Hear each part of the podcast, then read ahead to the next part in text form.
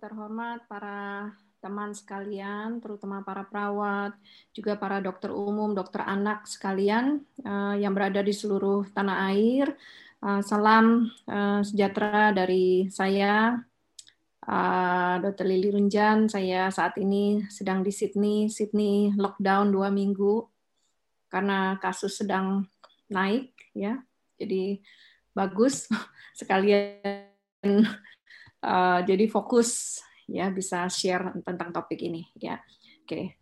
Jadi uh, saya akan membawakan mengenai uh, strategi pencegahan bagi catheter related bloodstream infection. Ya, jadi kalau kita bicara mengenai catheter related bloodstream infection, ini kita harus mengerti dulu konsepnya, yaitu adalah sesuai penamaannya adalah infeksi aliran darah disebabkan oleh kateter karena bisa bisa saja infeksi aliran darah itu um, bisa awalnya misalnya dari kateter atau dia awalnya dari paru kemudian masuk ke aliran darah atau awalnya dia dari luka operasi masuk ke aliran darah atau dari um, kateter urin kemudian masuk ke aliran darah. Tapi kalau yang ini spesifik kateter vaskuler, jadi IV intravenous. Nah, ini uh, sudah uh, syaratnya adalah uh, pemasangan sudah lebih dari 48 jam. Jadi kalau kita misalnya pasang infus ya entah sentral ataupun perifer, misal kita pasang hari Senin, kemudian hari Rabu awalnya hari Senin bayi tidak mengalami infeksi, kemudian hari Rabu bayi menunjukkan infeksi, maka kita bisa berpikir ini kemungkinan CRBSI. Nah, itu tadi per definisi. Nah, sedangkan secara klinis bayinya tentu akan menunjukkan manifestasi klinis sepsis dan tidak ada sumber yang lain. Jadi tadi tidak boleh yang dari paru atau dari uh, luka operasi, tidak boleh yang lain. Jadi murni benar-benar pasien itu hanya terpasang kateter uh, intravena. Dan uh, tentunya ada di dalam kultur darah tumbuh entah itu kuman ya bakteri entah gram positif atau gram negatif ataupun jamur. Sekarang kalau kita suka mungkin sering baca ya dari kepustakaan, kadang-kadang kita bingung. Ada yang disebut CRBSI, ada yang disebut KLAPSI. Apa bedanya? Kalau CRBSI ini tidak memandang, jadi dia hanya uh, per definisi uh, infeksi aliran darah disebabkan oleh kateter intravaskuler, bisa vena, eh bisa perifer, bisa sentral. Sedangkan kalau central line ini benar-benar klapsi, benar-benar hanya disebabkan oleh central line. Jadi uh, ini jelas kalau klapsi dia spesifik. Ya, CRBSI itu umumnya uh, bahasa yang sering dipakai dalam research kalau untuk uh, kita untuk mengatakan bahwa suatu unit sudah maju atau tidak itu yang dilihat parameternya yang disebut-sebut adalah klapsi. Definisi klapsi sendiri sama ya, jadi pemasangan kateternya sudah lebih dari 48 jam, ada tanda-tanda infeksi, tidak ada sumber yang lain, jadi bukan dari tempat lain. Nah, harus dibuktikan kultur darah positif di dua tempat, yaitu di perifer dan di sentral. Nah, cara pengukurannya adalah dihitung per 1000 uh, hari pemasangan uh, jalur sentral. Ya. Nah, Eh, saya sedikit bicara mengenai terminologi dulu, jadi supaya nanti ke belakangnya lebih mudah mengikutinya. Nah, jadi eh, yang selanjutnya adalah kita harus mengerti perbedaan antara kolonisasi dan infeksi, karena orang suka mencampur adukan. Nah, kolonisasi itu jadi bisa saja kita lihat eh, ada kuman, ya maksudnya ada kuman mungkin di kulit ya di kulit tapi ternyata bayinya tidak menunjukkan gejala sepsis ataupun uh, mungkin di dalam kultur darahnya tidak tumbuh. Jadi jangan bingung. Ini contoh misalnya kolonisasi. Misalnya kalau kita uh, mengkultur ujung misalnya PICC. Ujung PICC kita kultur tumbuh misalnya E. coli. Bukan berarti bayi itu mengalami uh, klapsi. Itu tidak, belum tentu. Itu hanya bisa, hanya berkata bahwa ada kolonisasi dari ujung PICC. Sedangkan kalau yang disebut infeksi itu harus di darahnya. Jadi di darahnya ada um, tubuh E. coli. ya.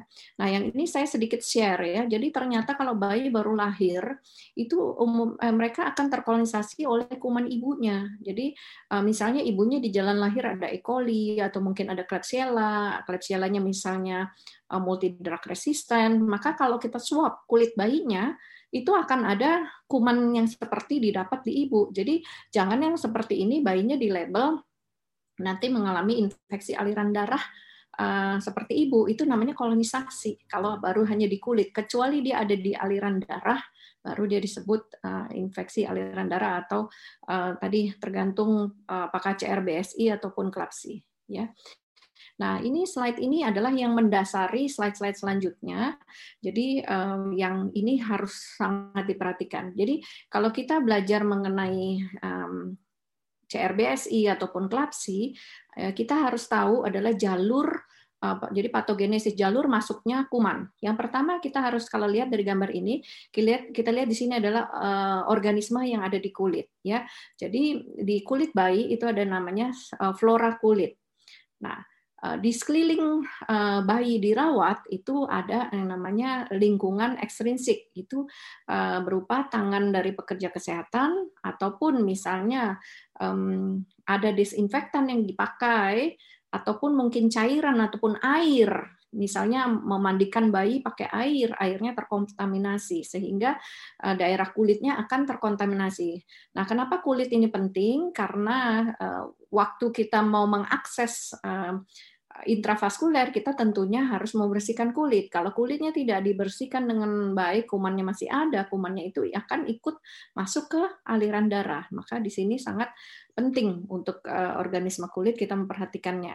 Yang kedua adalah ini kalau kita lihat ini gambarnya mengenai sentral. Jadi dia sudah masuk uh, jalur akses sentralnya.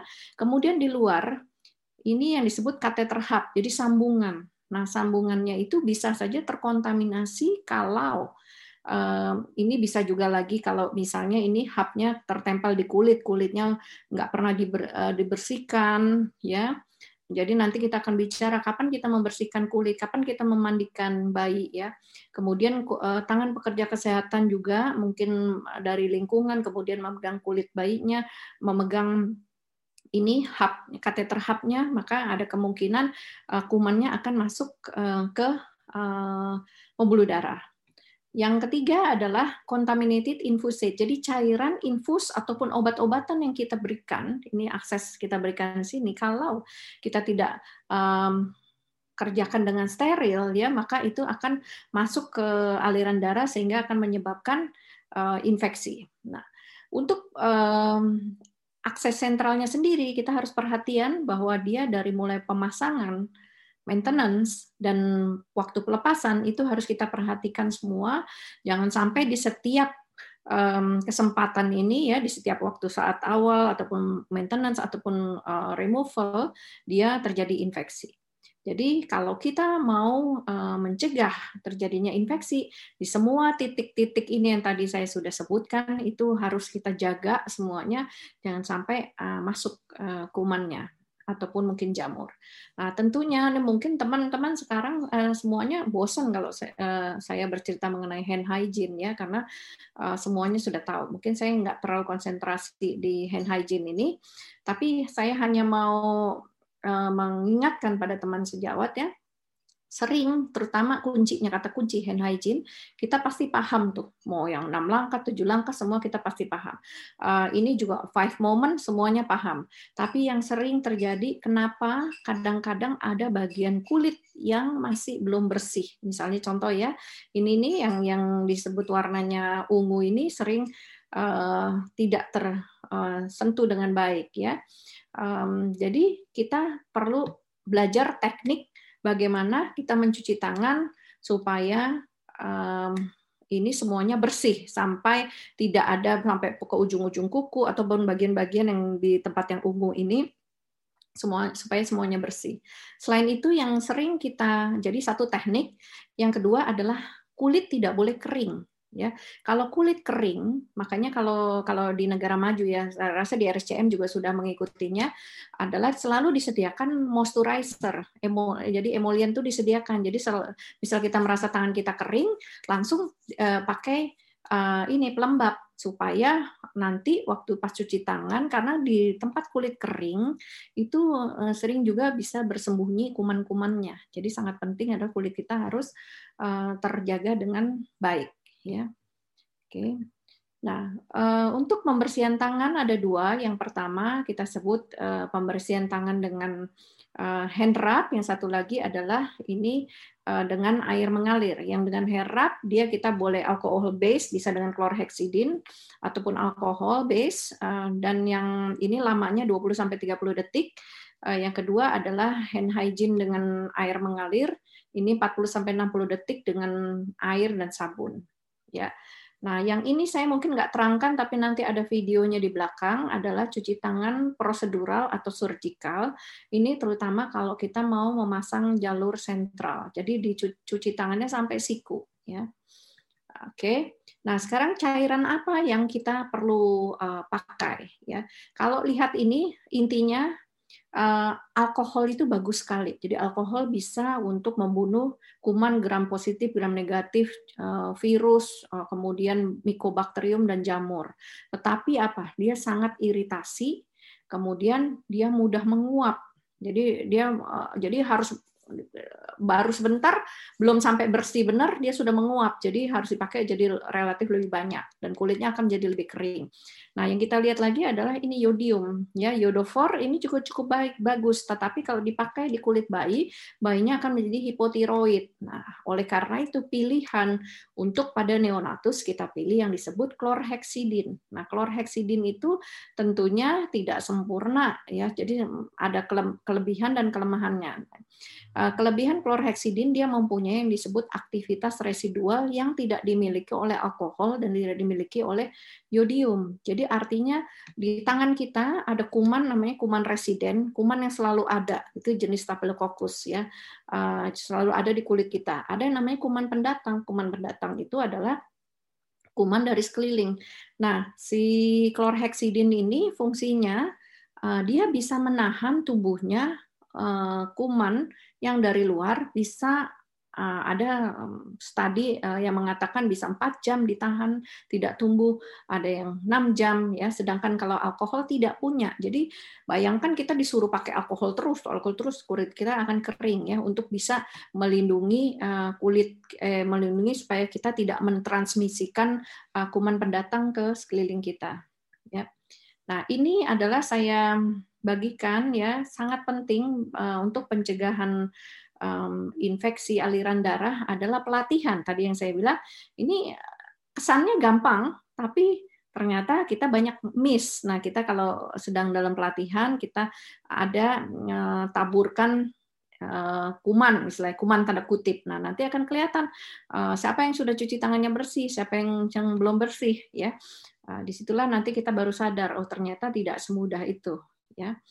Eh, nah, sekarang kita masuk kepada klapsi bundle. Apa itu? Ya, ini kalau bagi teman-teman yang berminat untuk infection control ini sudah sering disebut-sebut. Jadi isinya bundle itu adalah serangkaian suatu uh, intervensi yang sudah terbukti secara evidence ya yang harus dikerjakan semuanya. Namanya bundle itu satu ikat. Jadi kalau misal kita cuma kerjakan sebagian tidak akan berhasil. Jadi harus satu bundle itu dikerjakan semua. Nah, eh, klapsi bundle-nya ini dari mulai pemasangan, maintenance dan pelepasan ya.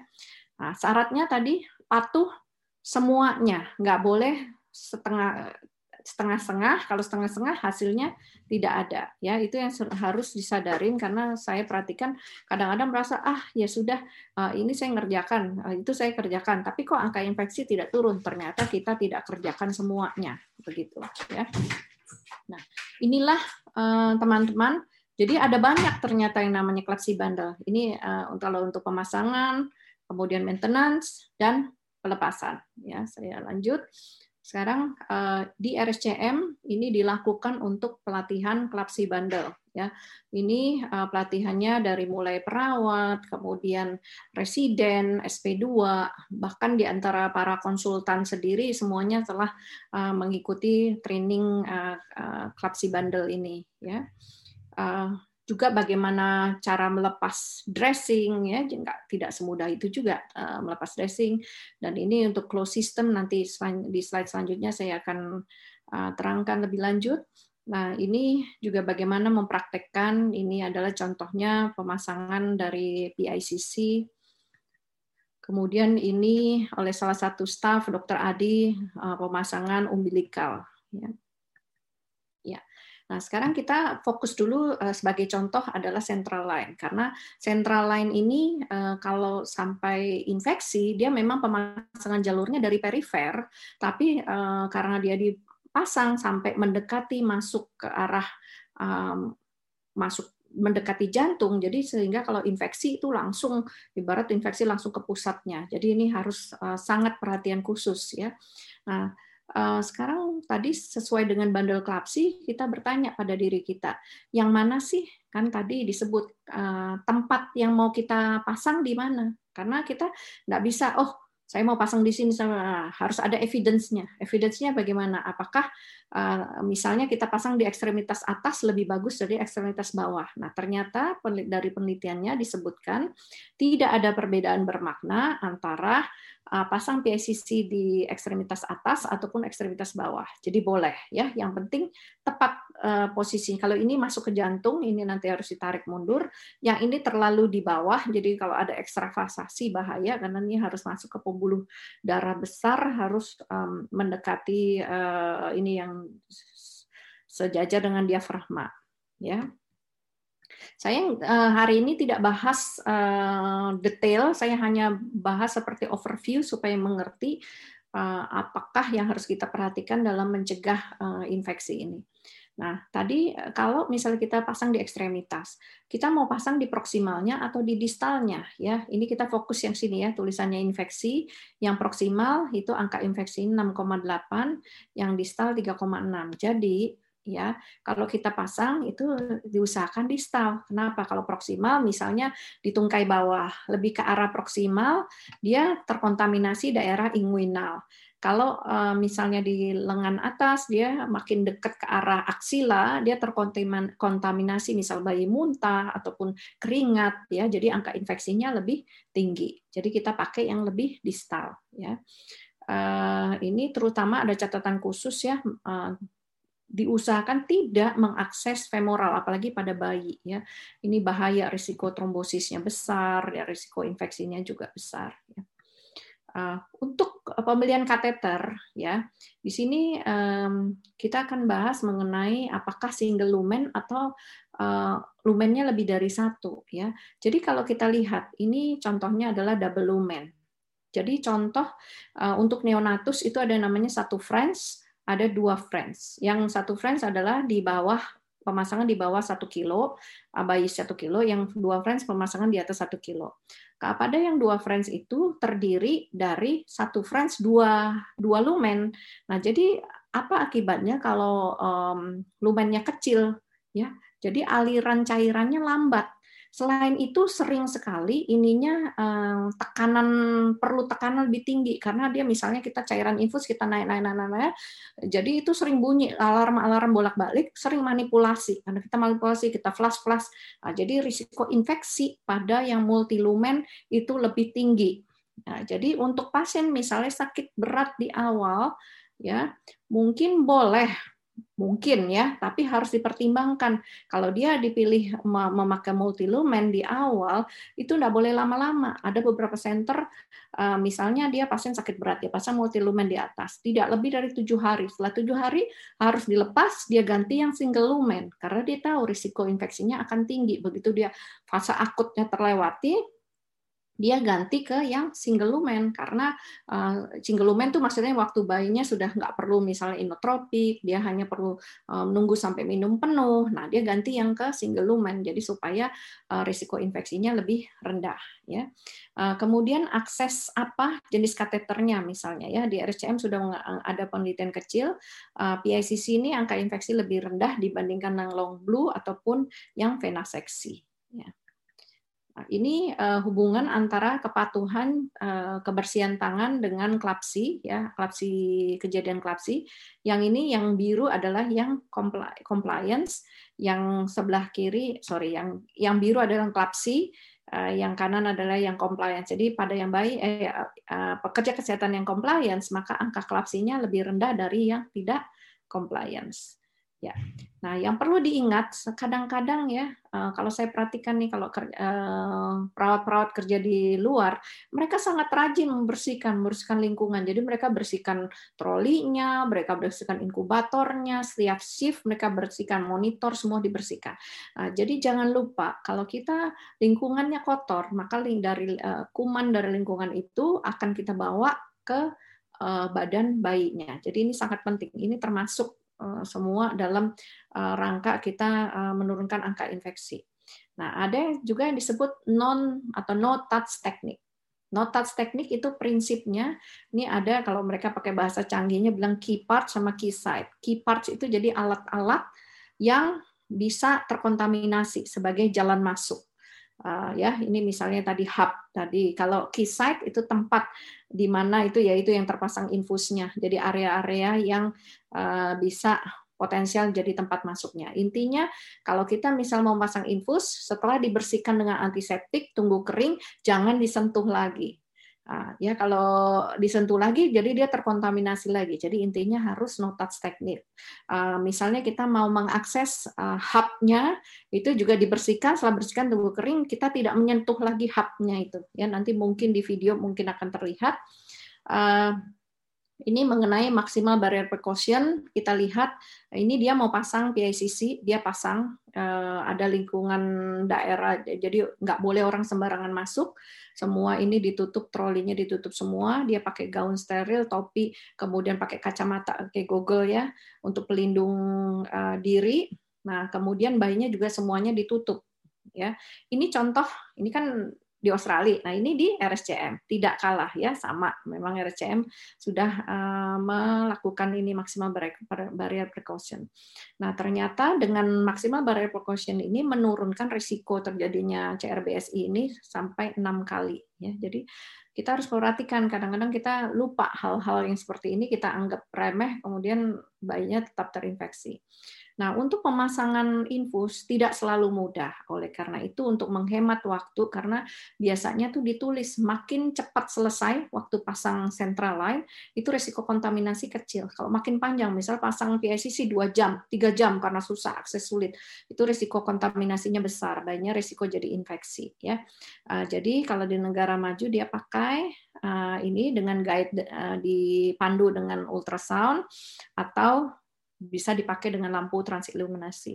Ya, ya eh, setelah dipasang eh, central line, ini perlu didokumentasi ya jenisnya, terus apakah sudah masing-masing sudah melakukan dengan eh, patuh, misalnya dia harus dua menit itu tadi cuci tangan proseduralnya, ini semua maksimal barrier precaution dikerjakan apa tidak, pasangnya di mana, kemudian di ronsen atau semuanya itu harus di ada dokumentasi Nah, kemudian dressing. Untuk dressing selalu dipilih yang kita sebut transparan semi permeable dressing. Jadi harus yang transparan. Tujuannya apa?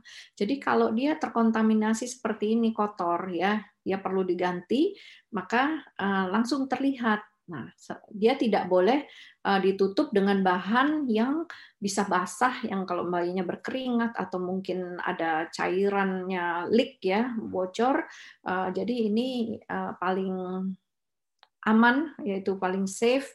Dia harus dengan transparan sterile dressing. Ya. Untuk dressing yang kotor, ya itu tidak ada patokan tidak harus diganti ya. Tapi kalau sangat kotor ya maka kita ganti dan cara menggantinya juga ada tekniknya. Tidak tidak bisa sembarangan itu ada checklistnya sendiri ya. Nah untuk maintenance ya uh, tadi selain uh, tadi kan pemasangan setelah pemasangan tadi sudah terpasang misal sudah pakai dressing. Nah yang perlu kita perhatikan tadi harus ada checklist. Nanti di belakang ada checklist pada saat maintenance. Kita menilai tiap hari itu uh, harus ada menandatangani apakah hari ini bayi ini masih butuh central line. Ya, dokternya harus tanda tangan. Ya, hari ini masih butuh. Jadi setiap ronde, setiap pagi itu dibahas, oh bayi ini masih butuh hari ini. Uh, dilihat ada indikasinya, oh masih muntah-muntah, feeding intolerance, dia harus pasti pakai. Uh, kemudian bagian dari perawat adalah um, checklistnya melihat, oh ini kelihatan nggak di tempat tusukannya ada tanda-tanda flebitis nggak, ada merah nggak, ada tanda-tanda dia bengkak atau apa. Nah itu nanti checklistnya itu dikerjakan terus. Nah, dengan kita melakukan checklist pada saat maintenance ini juga akan menurunkan risiko infeksi. Nah, untuk um, cairan tadi karena di awal saya sudah sebutkan bahwa ini bisa terkontaminasi juga dari cairan ya maka penggantian cairan nutrisi parenteral ini harus 48 jam. Jadi nggak boleh sering buka tutup. Jadi disebutkan meminimalisasi eh, buka tutup jalur sentral ya untuk TPN 48 jam.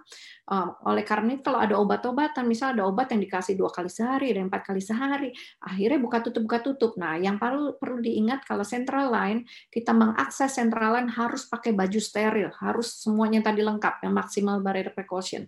Kalau kita nggak patuh, maka akan akan ada infeksi. Jadi jangan bertanya kenapa masih ada infeksi. Tadi jawabannya all or none, dikerjakan sebagian apa dikerjakan semua. Ya, kecuali kalau sudah merasa dikerjakan semua tapi masih infeksi, nanti kita harus audit kena di mananya yang kita kurang uh, kurang pas atau tidak sempurna ya. Nah, terus di tempat sentral lain tidak boleh ditarik darahnya karena ini akan terkontaminasi bahaya infeksi.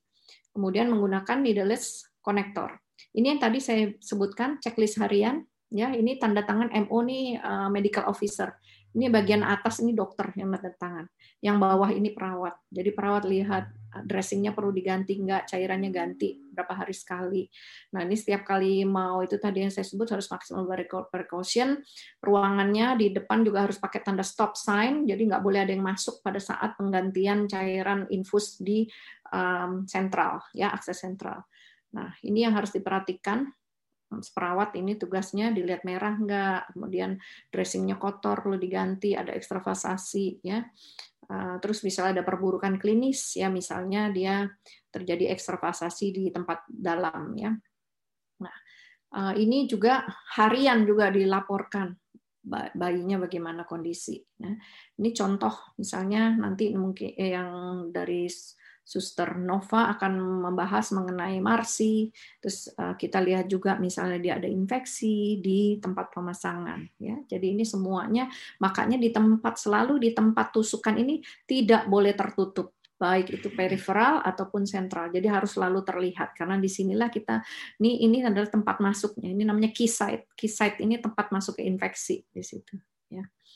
Nah, sekarang saya berlanjut mengenai uh, jalur infusnya sendiri. Ini dikenal sebagai closed system.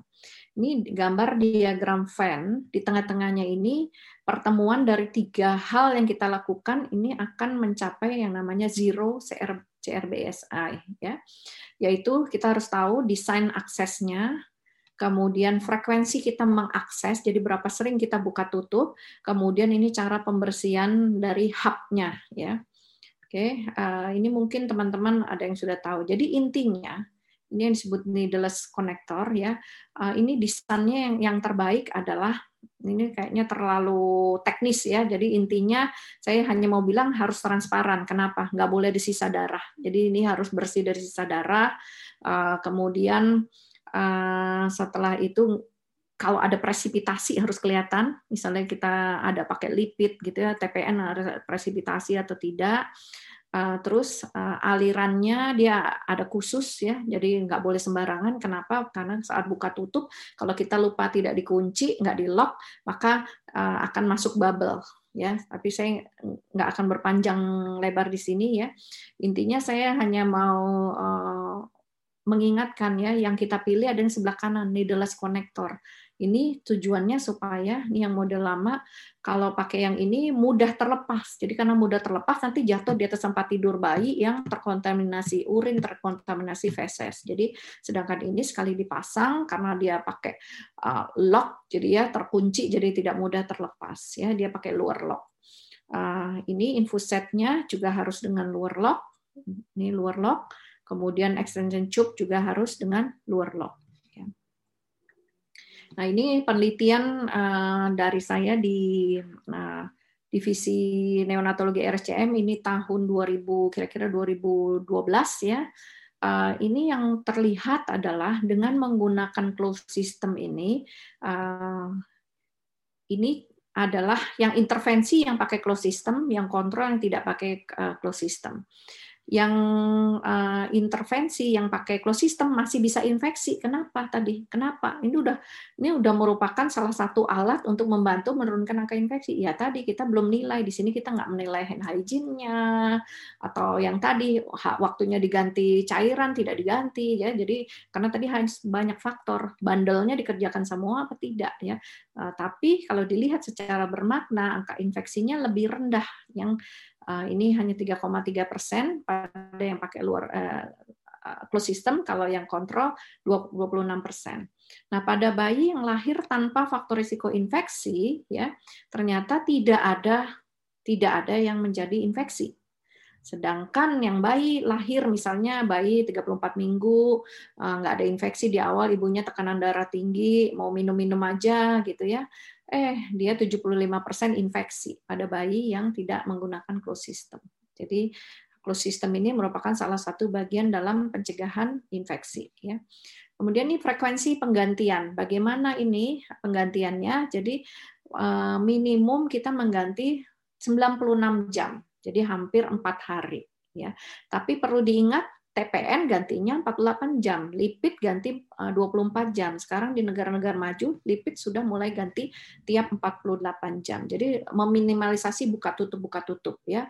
Tapi ini jalur-jalur yang ini ini ini namanya administration setnya ini harus diganti tiap 96 jam kalau misalnya kita fasilitas sangat terbatas ya. Oke. Nah, bagaimana dengan pembersihan dari uh, hubnya? Ini ya banyak penelitian, ada yang dibersihkan 5 detik, 10 detik, 15 detik, 30 detik, bersihkannya pakai apa, klorheksidin, alkohol ya.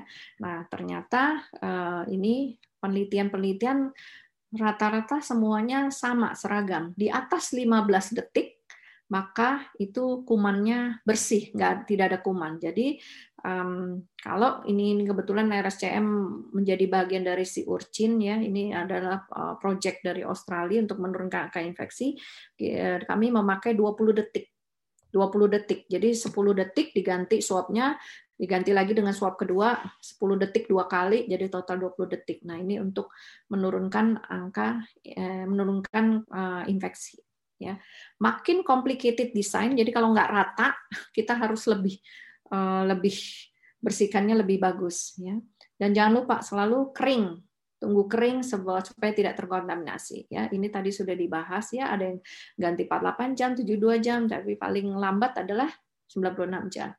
Nah untuk melepaskan kateter ini juga harus uh, jangan menganggap remeh karena waktu melepaskan kalau tidak dengan cara steril juga akan menyebabkan eh, risiko infeksi. Nah, kalau dilepaskan hari Rabu, hari Jumat bayinya infeksi, demam berarti termasuk klapsi, masih termasuk klapsi ya. Nah, Eh, ini tadi yang saya sebutkan ini hari per hari dirundingkan bayi ini masih butuh nggak pasang sentral lain. Nah ini salah satu penelitian menyebutkan di atas tujuh hari ya ini sih 10 hari resiko atau kena, kenaikan klapsinya makin tinggi. Jadi kita tahu hari demi hari itu resikonya makin tinggi. Jadi kita setiap hari harus tahu berusaha agar pasien ini minum full ya. Kalau umbilical arteri maksimum lima hari, kalau vena tidak boleh lebih dari uh, ini vena sudah enggak, ini terlalu lama juga ya. Vena juga rata-rata lima hari maksimum tujuh hari. Ya. karena risiko infeksinya tinggi. Ini checklist yang tadi saya sebutkan. Pada saat pemasangan ada checklistnya. Pada saat uh, ini uh, maintenance, ini maintenance di antaranya ganti dressing, ada checklist. Pada saat melepaskan juga ada checklist. Jadi semuanya harus ada checklist. Nah sekarang bagaimana kalau ada checklist? Ini uh, contoh ya. Ini dari ini Amerika nih ininya ya. Mereka menilai compliance checklist. Jadi memakai checklist yang rajin pakai checklist yang menggunakan checklist 15 sampai 100%. Ini walaupun kelihatannya mirip ya, tapi clumsy rate-nya ini secara bermakna lebih lebih rendah dibanding yang tidak rajin pakai checklist. Jadi angka clumsy rate-nya menurun 15%. Ini kalau dilihat secara uh, forest plot-nya dia bermakna uh, menurunkan angka uh, clumsy. Ya. Nah, ini juga eh, suatu neonatal unit di Amerika, mereka menyebutkan ya usaha bagaimana ini naik turunnya angka infeksi eh, klapsi ya per seribu hari pemasangan jalur infus. Lihat naik turun naik turun naik turun naik turun. Apa usahanya mereka? Ya, dia bilang line rounding. Jadi setiap dalam word round, dalam ronde itu selalu disebut. Bayinya masih butuh nggak? Ini dulu, berdebat dulu, masih butuh nggak? Mau, mau lepas apa enggak? Nah, terus pemasangan PICC harus berdua karena risiko kontaminasinya lebih kecil jadi saling mengingatkan. Uh, pemasangan apa penggantian dressing juga harus perhatian harus dua orang. Uh, terus hasilnya dengan dia mengganti polisinya ada 254 hari tanpa klapsi. Terus habis itu naik lagi. Kenapa? Dia ganti ini sih itunya netral tadi yang close sistemnya dia jenisnya yang masih bisa mungkin infeksi yang neutral ini fluid displacement ini paling bagus ya.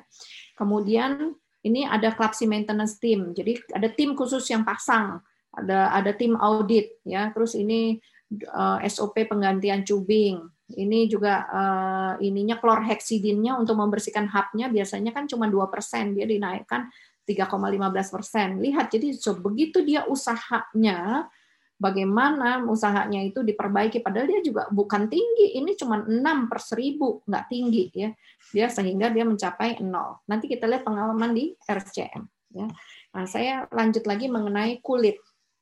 Ya tadi seperti yang saya sebutkan bayi kalau baru lahir dia akan terkolonisasi dari kuman ibunya ya tapi umumnya kalau ibunya tidak terkolonisasi kuman patogen maka dia hanya ada di kulitnya Staphylococcus, Corynebacterium dan Propionibacterium.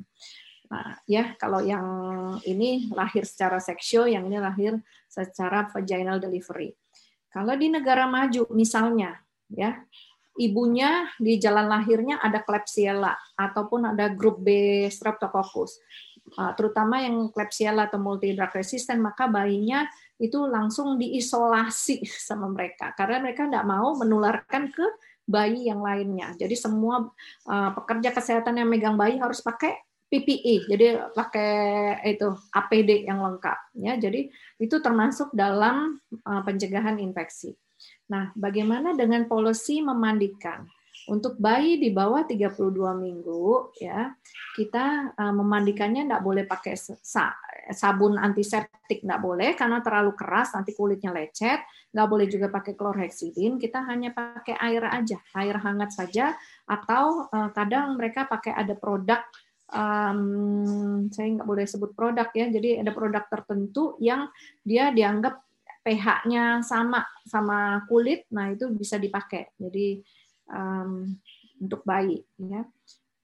Ini uh, pakai atau pakai NaCl atau pakai air ya.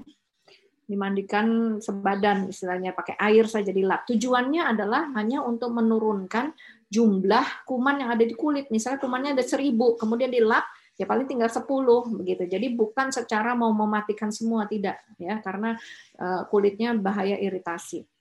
Nah, ini bagaimana mengenai tadi infus yang terkontaminasi ya. Uh, yang paling sering adalah terkontaminasi koagulasi negatif Staphylococcus ya. Uh, ini sering uh, 75% ya. Ini kuman-kuman yang ada di dalam uh, TPN sampel ya. Kalau di negara maju dia pembuatannya kan dalam di bawah laminar airflow. Ini ini gambarnya ini RCM sebetulnya ya. Eh, di bawah laminar airflow setelah sudah jadi dia harus dikultur Kalau dalam satu pembuatan dia membuat 500 bag, nah misalnya ada satu yang ada kumannya langsung dibuang 500 500-nya ya itu jadi itu adalah uh, dari uh, pihak pembuat itu mempunyai tanggung jawab untuk quality control. Nah, ini saya akan sedikit putar ya. Ini adalah kalau tadi di RSCM kan di bawah laminar airflow ya Bagaimana dengan fasilitas terbatas yang nggak punya laminar airflow? Ini bisa dikerjakan. Sediakan ruangan khusus. Ini kebetulan contohnya di RSM bukan di ruangan khusus, tapi kalau um, lebih bagus ideal adalah ruangan khusus dengan dinding yang dari porselen yang mudah dibersihkan. Uh, kemudian uh, yang meracik harus pakai baju steril. Jadi yang tadi maksimal barrier precaution, jadi pakai topi bersih, kemudian masker uh, ini baju steril, sarung tangan steril, dan ini troli yang sudah dibersihkan lebih dulu, uh, kemudian diberikan uh, ini duknya linen yang steril. Jadi ini dua orang, yang satu membantu, ya, dia pakai pinset, no touch teknik ya, nggak boleh pakai tangan dan tangannya nggak boleh basah ini. Kalau basah terkontaminasi. Ya. Ini uh, videonya lama, masih zaman dulu pakai Call gitu ya. Nah inti ini masih zaman dulu masih nggak luar lock ya. Uh, jadi ini di misalnya zaman dulu kita masih buat misalnya NaCl, kemudian mungkin ada dikasih kalsium, ada dikasih uh, kalium ya. Jadi diracik tapi dengan cara secara steril. Ya, Oke, saya rasa yang ini cukup. Saya lanjut. Ini adalah bagaimana kita mengganti cairan TPN. Cairan TPN yang sudah dibuat di ruang steril di bawah laminar airflow, bagaimana kita mengkonek menyambungkan ke bayi ya. Nah, kita lihat ini saya putar karena ini agak lama, saya putar cepat saja ya. Uh, ini Ya. Uh, ini saya, nah ini mulai dari sini ya. Jadi petugas membersihkan troli ya, membersihkannya juga dengan seksama dengan zigzag. Ya.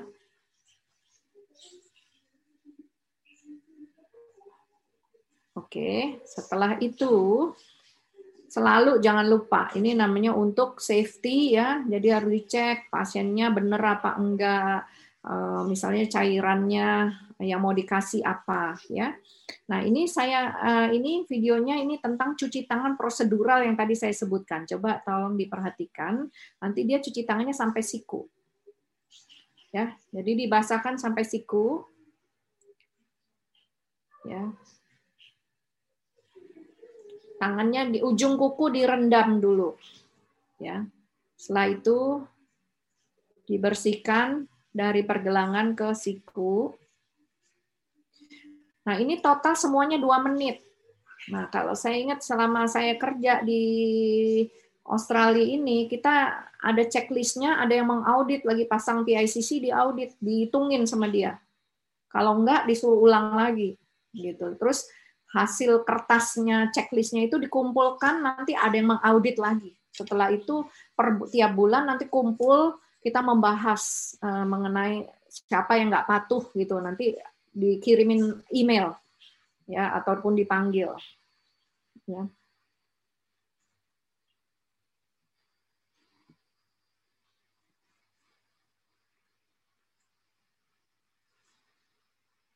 Ya ini saya lewat dulu ya. Nah suci nah gunakan baju steril ya. Nah ini pasang uh, sarung tangan steril ya. Tanggal sterilnya. Ini siapkan. Ini semua steril ya. Boleh pakai plastik steril boleh pakai ini kertas steril ya. Uh, di atas uh, troli yang tadi sudah dibersihkan ya. Ini kesannya aduh ini banget sih. Berlebihan banget sih. Cuman mau nyambungin cairan TPN aja kayaknya heboh banget. Tapi sesuatu itu dimulai dari hal yang kecil kalau tidak dipatuhi ini makanya disebut ini masuk dalam platsi bundle kalau tidak dipatuhi uh, maka uh, infeksi akan tetap terjadi ya. Oke nah ini uh, tadi dimasukkan ke dalam tujuannya supaya nanti tidak ber, bermenjuntai ya. Nah ini dibersihkan. Itu ibu Iin ikut ini manggung nah ini dimasukkan situ ya ini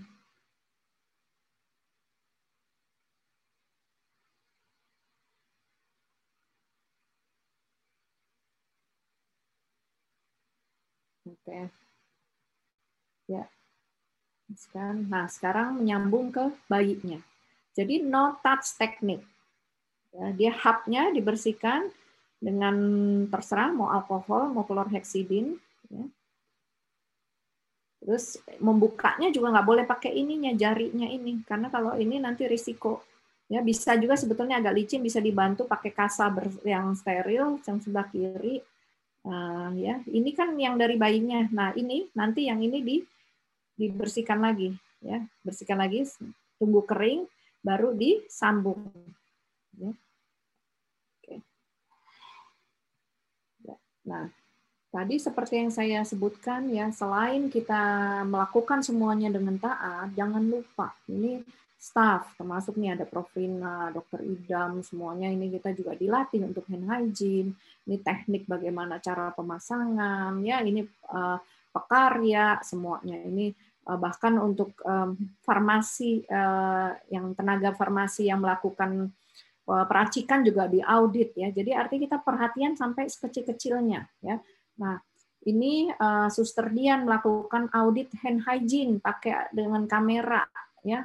Kemudian dilaporkan ini ada yang perawat, dokter semuanya dilaporkan, uh, dilaporkan ditempel ya. Nah, barang siapa yang nilainya tinggi uh, di atas 95 persen ya. Kalau nggak salah selama tiga bulan berturut-turut maka akan mendapat hadiah ya. Hadiahnya kecil-kecil lumayan coklat Coca-Cola ya kotak pensil nah Kemudian bagaimana pada saat itu di RSCM uh, eh, pernah terjadi outbreak. Nah, pada saat outbreak kami mengadakan pit stop, pit stop uh, klapsi, belajar dari awal, belajar cara hand hygiene, belajar mengenai merangkai-rangkai tadi close system, belajar pasang infus perifer, ini belajar tadi menyambungkan misalnya TPN tadi. Jadi uh, mengingatkan kembali intinya. Jadi supaya um, semuanya komitmen supaya mencapai zero klapsi. Nah, di akhir itu dapat minum ya pada ini semua semangat ya.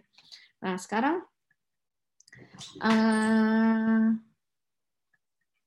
ini fase untuk bagaimana kita menurunkan um, infeksi ini nggak bisa sekali. Misalnya gitu oke okay, kita sekali kerjakan langsung berhasil. Tidak. Semua rumah sakit akan mengalami yang namanya up and down. Oleh karena itu pada saat misalnya kita mengalami oke okay, angka infeksinya naik wah kita harus melakukan analisis. Jadi kumpul dulu sesama multidisiplin eh, antara konsultan eh, fellow kepala perawat ya dinilai apa nih salahnya di mana ya apakah tidak patuh terhadap guideline atau kurang uh, bahan ininya bahan habis pakai ataupun apa pun. Nah oleh karena itu di RCM yang tadi yang pit stop ini termasuk re-education dan training ya. Kuncinya makin tinggi angka infeksi auditnya makin sering. Jadi misalnya kalau angka infeksi tinggi kita audit misal dua kali seminggu atau tiap minggu.